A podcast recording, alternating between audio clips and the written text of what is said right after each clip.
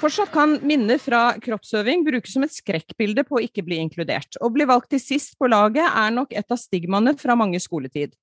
Men mye har heldigvis skjedd i gymsalene de siste åra, og faget kroppsøving er ikke som før. Og hvor store er endringene egentlig?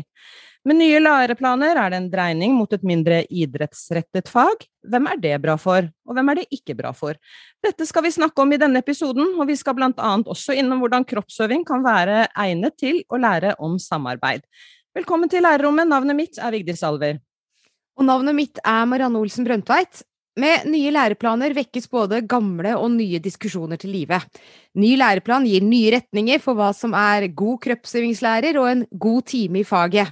Mange omfavner den nye retningen for kroppsøvingsfaget, mens andre frykter at idrett og idrettsfaglighet har fått for liten plass. Med oss i denne episoden har vi to gjester. Begge er forskere og har bakgrunn som kroppsøvingslærere. Først velkommen til deg, Erik Aasland. Du er førsteamanuensis ved Institutt for idrettsvitenskap og kroppsøving ved Universitetet i Agder. Hei. Hei, hei. Og Lars Bjørke, velkommen til deg. Førsteamanuensis ved Fakultet for helse- og sosialvitenskap ved Høgskolen i Innlandet. Takk for det, og hei. Og Bjørke, du har jo også en fersk doktorgrad på undervisningsmetoder i kroppsøvingsfaget. Og læreplanene er endret, men i hvor stor grad syns du at det som faktisk skjer i gymsalene på skolene, har endra seg både nå og de siste, la oss si, ti åra? Eh, ja, det er et godt spørsmål. Hvor mye har endra seg i forhold til den nye planen, er jo litt, eh, litt, eh, tidlig å si. da. Så det må vi jo komme tilbake om noen år og, svare på. Men basert på det vi vet om hva som skjer i faget, så har det i hvert fall vært en bekymring om at kanskje endringene ikke har vært så altfor store de siste åra. Hvordan da? Nei, hvis man ser f.eks. på hva, hva, som gjøres i faget, valg av innhold, hva som er litt eh, kanskje hensikt med faget, altså hvordan man ser på faget. Hvem som anses som, um, som um, kompetent i faget, og hva er, hva er kompetanse i faget. Sånne, sånne ting. Mm. Men hvordan tenker du sånn sett ut fra det her at en god undervisningstime i kroppsøving, hva, hva bør den inneholde? Jo, det har jo vært et, sånn et, stort spørsmål lenge. da. Og man har jo sagt at det eneste kriteriet på en god time er jo at elevene er eh, mest mulig aktive og har det gøy. Um, så tror jeg at en god kroppsøvingstime egentlig kan se veldig forskjellig ut. Noen timer så kan det kanskje være uh, tut og kjør og lek og moro. Andre timer kan det kanskje være frustrasjon. Uh, noen timer kan det være at man jobber sammen i grupper grupper, andre timer individuelt. Men altså, fellesnevneren er kanskje da at um, det, er en, det, er en, hensikt med timen som man ønsker å oppnå. Det er noen mål som man ønsker å nå, og at timen da gjenspeiler det som er hensikten, tror jeg. Og så nevnte du det her med hvem som ses på å ha kompetanse, og hvordan det og hvordan det er i gymsalen. Og hva tenker du, hvis du skal trekke fram det fremste fokuset en god lærer bør ha i dette faget, hva, hva bør det være? Du, jeg tenker at det fremste fokuset til enhver lærer er elevene. Altså hvem er eleven, og hvordan skal uh, den timen her uh, tilpasses han eller hun? Det tror jeg på en måte er litt sånn ja, noe av det viktigste læreren har i, har i bakhuet. Og da tenker du på elevene, ikke sant, som mange forskjellige med ulike ja. kompetanser? Ja, vi kan jo tenke seg at uh, man skal lære om hvordan, uh, hvordan det er å trene um, utholdenhet, for å ta et eksempel. Så er det veldig mange måter man kan gjøre det på som tilpasses hver enkelt elev. Noen er jo masse aktiv på fritid og har noen referanser fra der, andre er kanskje helt uerfarne. Så jeg tenker at man kanskje kan jobbe mot de samme måla, men på veldig ulike måter. Vi skal tilbake til elevene etter hvert i denne episoden, men Erik Aasland, kroppsøvingslærerne har jo både skrytt og vært kritiske til utviklinga av faget og den nye læreplanen. Men hvis vi snakker da om læreren og fagligheten deres og holder litt på den nå, hva vet du om hvilken faglighet kroppsøvingslæreren har med seg inn i yrket? Vi vet vel uh, litt om at det er veldig mye lærere som kommer fra idrettsfeltet. De fleste, eller veldig mange studenter som tar kroppsøvingslærerutdanning, har, har den bakgrunnen, da. Ja, hva, hva, har dette å si, tror du, på, på, hvordan det påvirker det elevene opplever og gjør i timene? Nei, Det har jo veldig mye å si. fordi at Slik læreplanen er utformet i dag, så har jo lærere en del eh, valgfrihet i forhold til eh, innhold og metoder. Mm. Og det er klart at hva man har med seg inn, det vil få konsekvenser for hvordan lærere tolker læreplanen og iverksette da læreplanen i undervisning og vurderingspraksis. Ja. ja, for forskning at, eller har vist at kroppsøvingsfaget favoriserer enkelte elevgrupper og marginaliserer andre. Eh, hva kan årsaken til det være? Nei, Det henger jo litt sammen med det vi snakker om her. At uh, det er mye fra idrettsfeltet som, som anvendes i kroppsøving. og det er jo Veldig mange elever har jo bakgrunn fra idretten selv, mens det er noen som ikke har det. Og når man møter mye av et undervisningsinnhold som man ikke har erfaring med fra før, så, så, så faller man noe utenfor, ser det ut som. Mm, hva tenker du er viktigst for å møte dette? Eh, det viktigste, for å si det med en gang, idretten skal være der i faget, men det er vel kanskje heller måten som idretten brukes på og praktiseres som må eh, endres litt. Og det syns jeg kanskje den nye læreplanen tar litt mer opp i seg. Altså, alt man gjør av bevegelser og aktiviteter i kroppsøvinga, det skal brukes pedagogisk for å utvikle kompetanser. Men jeg tror nok samtidig at idrettsaktivitetene har nok hatt et for stor dominans i forhold til mange av de andre bevegelsesaktivitetene som vi har, type lek, friluftsliv, mer eh, uorganisert eller moderne bevegelsesaktiviteter, dans. Det skal også være bevegelser som skal ha innslag i undervisninga, og som som nok må brukes mer når man jobber pedagogisk med bevegelse og utvikler bevegelseskompetanse. Ja, For å sette litt på spissen, da, vil det være mulig å få en toppkarakter i kroppsøving uten å drive med idrett på fritiden? Eh, ifølge læreplanen, den nye læreplanen så skal du kunne det, men eh, forskning viser at det ikke har vært tilfellet. Hvorfor det? Fordi at eh, slik som eh, lærere vurderer elevene, så, så, vurderer man ferdigheter i et litt sånn snevert utvalg av noe tradisjonelle ballspill. Eh, og hvis man ikke har med seg det inn i faget, så er man på mange måter fratatt muligheten for å få de øverste karakterene. Ser det ut som ifølge forskning. Ja, Vi skal gå litt dypere inn i vurderingssporet her, eh, Bjørke. fordi om man er en elev som har gode ferdigheter fra idretten eller ikke, så skal jo innsats telle med som en del av kompetansen i vurderingen av eh, kroppsøving. Og det gjør jo at dette faget kanskje skiller seg noe fra andre fag. Og tenker du, for å spinne litt videre på det Aasland sier her, kan dette sikre elevene gode karakterer og vurderinger, selv om de egentlig ikke mestrer selve ferdighetene i faget? Eh, ja, sånn som Erik sier, så sånn læreplanen eh, omtaler det her, så skal det jo være, være mulighet eh, for alle å oppnå det. Men jeg syns det er viktig på en måte et sånn premiss her å si hva legger man i altså Når man sier mestre ferdighetene, så er det jo igjen det med at man kanskje I det så legger man da et snevert utvalg av idrettslige ferdigheter. For meg er ferdigheter ganske mye videre. Det handler om ferdigheter til å spille på lag, ferdigheter til å gjøre andre gode, ferdigheter til å eh, jobbe, altså hvis vi kobler det mot innsats, som du spurte om. Eh, ferdigheter til å på en måte stå i noe som er vanskelig. altså, ja, det er, det er veldig mye mer enn bare en innsidepasning i fotball. Ok, Men hva, hva, ser en lærer etter, da, når innsatsen til enkeltelever skal vurderes, sånn som du beskriver det her? Ja, og det jo, kan jo være komplisert. Og Erik, her har vel du skrevet litt uh, Her er vi litt innenfor ditt felt. Så jeg vet ikke om du vil kommentere det? Ja, ja jeg kan jo si noe om hvordan innsats uh, vurderes i praksis. Uh, det har jeg bedt deg jo litt om.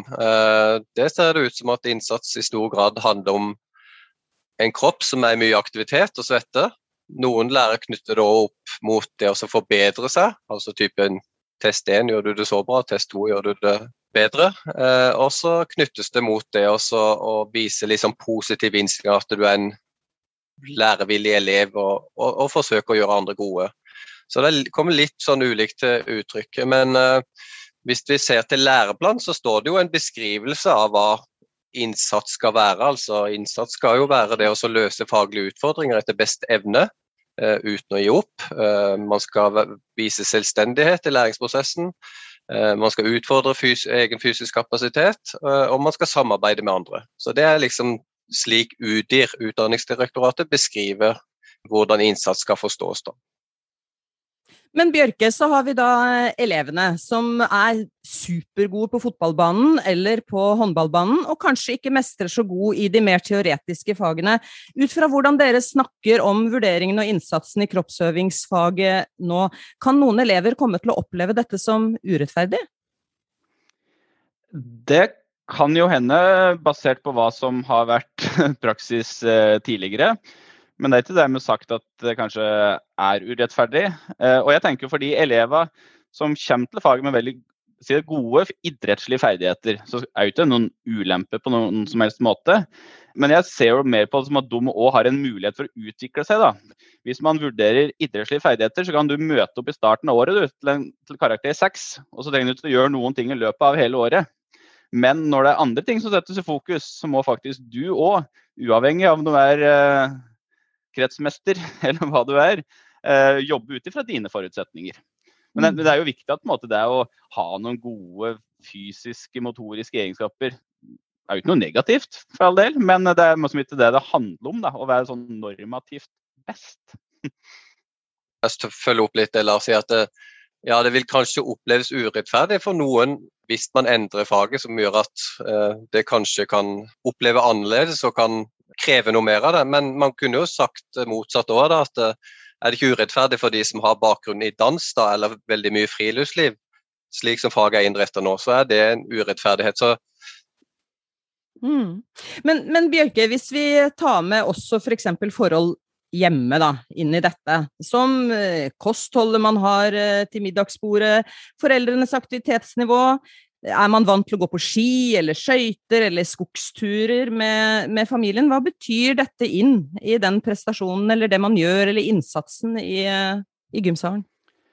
Nei, altså jeg tror Det er vel ganske allmennkjent at uh, hvor man kommer fra har betydning for hvordan man uh, si, presterer i de fleste fag. Ehm, men måten, det er jo selvfølgelig måten uh, faget prates på, hvilken posisjon det har i hjemmet. Det er klart at det er, er viktig. Eh, og her har jo kanskje faget òg en mulighet, da. For det er ikke alle som kommer fra, fra familier der fysisk aktivitet anses som noe, noe viktig, f.eks. Eller at det er muligheter for det. Og kanskje kan faget bidra til at man faktisk får en del opplevelser og lærer ting som gjør at man kanskje lærer seg å verdsette det å være i aktivitet sammen med andre, f.eks. Aasland, kroppsøving innebærer jo også situasjoner og opplevelser som berører andre sider ved elevenes liv og trivsel. Det kan dreie seg om skifte av tøy, dusjing, påfølgende kroppskommentarer, eller utstyr, type sko eller klær som man har på seg i, i kroppsøvingstimen. Hva kan gjøres med dette, eller hvordan håndteres dette som regel? Nei, det, hvordan det gjøres, det, det finnes vel ikke så veldig mye forskning på akkurat hva som foregår i garderobene. Din kollega Kjersti har vel kanskje studert noe på det, Lars? Ja, jeg har et par kollegaer, Kjersti Mordal Moen og Knut Vestli, som har sett hvert fall på garderobesituasjonen. Mm. Og det de finner, er jo bl.a. at garderobesituasjonen er det, jeg tror de kalte det en black box. Altså, det er noe som ikke anses som en del av kroppsøvingstimen, alt som skjer før og etter. For fokuset er på hva som skjer i hallen eller ut på ja, der man enn måtte være. Så det er å faktisk eh, anerkjenne at eh, garderobesituasjonen er en del av faget. Og jeg tror jo òg, og det skriver de fram òg, at det faktisk gir en del muligheter for å skape læring. Hvordan, hvordan oppfører man seg i en garderobe? Hva sier man til hverandre i en garderobe, eller helst ikke sier man til hverandre? Det tror jeg er et Der er det en vei å gå, kanskje. Mm. Ja, for én ting er jo synlighet i eh, Altså, en ting er jo synlig sårbarhet i, eh, i garderoben, men for å ta inn dette med vurdering i denne sammenhengen, hva har det å si at kompetanse i kroppsøvingsfaget blir såpass synlig. Altså at det, det, man mestrer dårlig i en gymsal, på en friidrettsbane eller i en svømmehall, blir såpass veldig tydelig for andre elever, Aasland. Hva tenker du om det? Ja, det, det tenker jeg. Det, stiller litt større krav til at man er hva skal jeg si, litt sånn eh, forsiktig, og at man er, har en slags etisk bevissthet tenker jeg, rundt eh, mye av disse tingene. For det å, det å, få kompetanse på kroppen din versus kanskje et mer skolefag der du kan skjule deg, det, det kan jo gjøre veldig mye med, med forståelse av selvbilde, kroppslig selvbilde. Eh, men så tenker jeg at man må kanskje bort litt fra at det kompetanse oppfattes som bare noe som er synlig. Jeg tenker kompetanse er også noe som kan vises gjennom samtale, refleksjoner òg. Eh, noe som kommer inn i den nye læreplanen. Så skal vi ut av garderoben og, og inn i, i, selve faget igjen, Bjørke. Og tegnene på at en elev kanskje ikke mestrer et fag, kan jo generelt sett være mange. Og hvordan bør en lærer gripe fatt i en elev som er i ferd med å falle utenfor i faget kroppsøving? Eh, ja, det er jo sikkert et spørsmål med mange svar. Men jeg tenker jo litt tilbake til det forrige spørsmålet. Altså, jeg, jeg, tenker jo at uh, Klassemiljø er jo viktig i alle, alle, fag, men det er jo kanskje særlig viktig i kroppsøvingsfaget. Og det å faktisk anerkjenne ulikhet og at vi er forskjellige, er jo faktisk en kompetanse i faget. Men hva skal jeg si, den, lærer, den gode læreren klarer jo å, å ha en relasjon til elever som gjør at den kan være i stand med å snakke med hver enkelt elev, høre hva er det som gjør at du ikke vil delta. Altså rett og slett finne ut er det pga. eh, innholdet i, i faget f.eks. Er det pga. hvordan medelever er mot den? Og sånne ting. Og det her er jo selvsagt ekstremt vanskelig, da, gitt at eh, en del eh, lærere f.eks. på videregående kanskje har et par hundre elever i løpet av en uke. Så det er jo lettere sagt enn gjort. Mm. Men, men, eh, tenker du at det er like lett å snakke, eller like vanskelig å snakke med elever som, eh, som har disse opplevelsene i kroppsøvingsfaget og er i ferd med å kanskje komme litt på sidelinja, falle ut, og snakke med en kropps, om kroppsøvingsfaget som det vil være f.eks. i matematikk? Det syns jeg er vanskelig å svare på. En, en vesentlig forskjell er kanskje at du har matte vesentlig flere timer i uka. da. Um, så du kjenner kanskje eleven bedre sånn sett. Uh, og som Erik er inne på der òg, så er jo på en måte det med å det, med kroppen er jo noe mer personlig enn det at uh, mm. å si at nei, matte det, det, er vanskelig, det er ikke for meg. Men her er du på en måte, her går du inn i faget med hele deg sjøl. Så det er klart at det her kan uh, være vanskeligere. Det, det tror jeg vi må anerkjenne. Mm. Vi har jo snakket om eh, fokuset en kroppsøvingslærer bør ha. Men hvis en kroppsøvingslærer jobber inkluderende, sosialt inkluderende, som vi er inne på nå, fins det forskning som viser hvordan man bør gjøre det? Ja, jeg har jo noen kollegaer som har eh, jobba litt med det. Eh, og de har jobba sammen med forskere fra Sverige og New Zealand. Og de har sett på hva, hva gjør en kroppsøvingslærer som er god da, til å være sosialt inkluderende. Og noe av det de finner, handler om at man må, må prøve å kjenne eleven både på et personlig nivå, på et gruppenivå og et samfunnsnivå. Altså, man må vite hvem eleven er, men òg familiære forhold og hvem man er i, i klasse f.eks.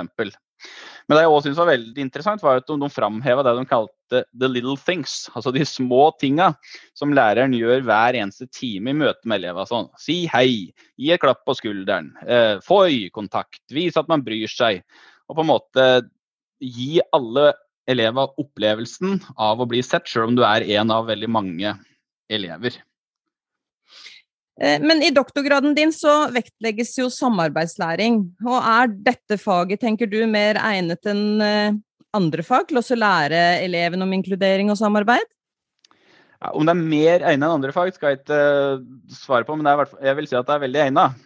og det er jo en sentral Altså, det med samspill er jo nå et kjerneelement, så det står jo veldig tydelig fram i faget. Og jeg tror en del av de tingene som vi har diskutert nå, gir jo òg veldig mange muligheter. da, for å lære om eh, f.eks. samarbeid. Elever er veldig ulike, har ulike eh, erfaringer eh, og kommer til timen veldig forskjellige. Og det er å lære seg å jobbe sammen med det her, og det er jo kompetanse man ikke bare trenger i faget, men i livet for øvrig, tenker jeg at faget har et stort potensial for. Også om vi snakker om potensialet her, sett i lys av de nye læreplanene, vil flere elever oppleve mestring i dette faget framover, tror du? Det kommer jo litt an på hvordan det blir, praktisert og utspilt i praksis, men eh, jeg tror, eh, jeg tror iallfall at mulighetene er store for at flere elever kan oppleve kroppsøving som et inkluderende læringsfag. Det er jo det vi må håpe på, iallfall. Til slutt, hvis vi, hvis vi bare kan si hva må til da for å få dette til? Lærere må gå inn i, i læreplanen og lese den nøye. Sitte i et fellesskap og drøfte kompetansemål, utarbeide gode læringsmål, vurderingskriterier. Og så må man ha med seg et, noe av det Lars var inne på, et litt sånn anerkjennende blikk på elevene. Da blir det bra. Ja, hvis jeg kan kommentere, eh, og det gjelder det med samarbeid. Når jeg sier at det er et potensial, så tror jeg det er viktig å, å anerkjenne at det, et samarbeid oppstår bare ikke av seg sjøl. Det er ikke bare å dele i to lag, og så skal vi spille innebandy mot hverandre. Og så tenker man at laga samarbeider. Så man må eh, legge til rette for at det samarbeidet skal bli konstruktivt. Og man må eh, tenke på ja, hvordan skal jeg hjelpe elever til til å utvikle sine evner til å jobbe sammen. Da. Ja, nei, et uh, samarbeid starter jo sjelden helt av seg selv. Og med dette så takker vi både Lars Bjørke og Erik Aasland for at dere var gjestene i denne episoden av Lærerrommet. Nå er vi i mål for denne gang. Ta gjerne kontakt med oss hvis dere har tips eller ønsker om temaer i denne podkasten, og husk at dere finner alle våre episoder på Utdanningsforbundets nettsider eller i de fleste podkastkanaler. Nå sier vi takk for denne gang. Ha det bra. Ha det!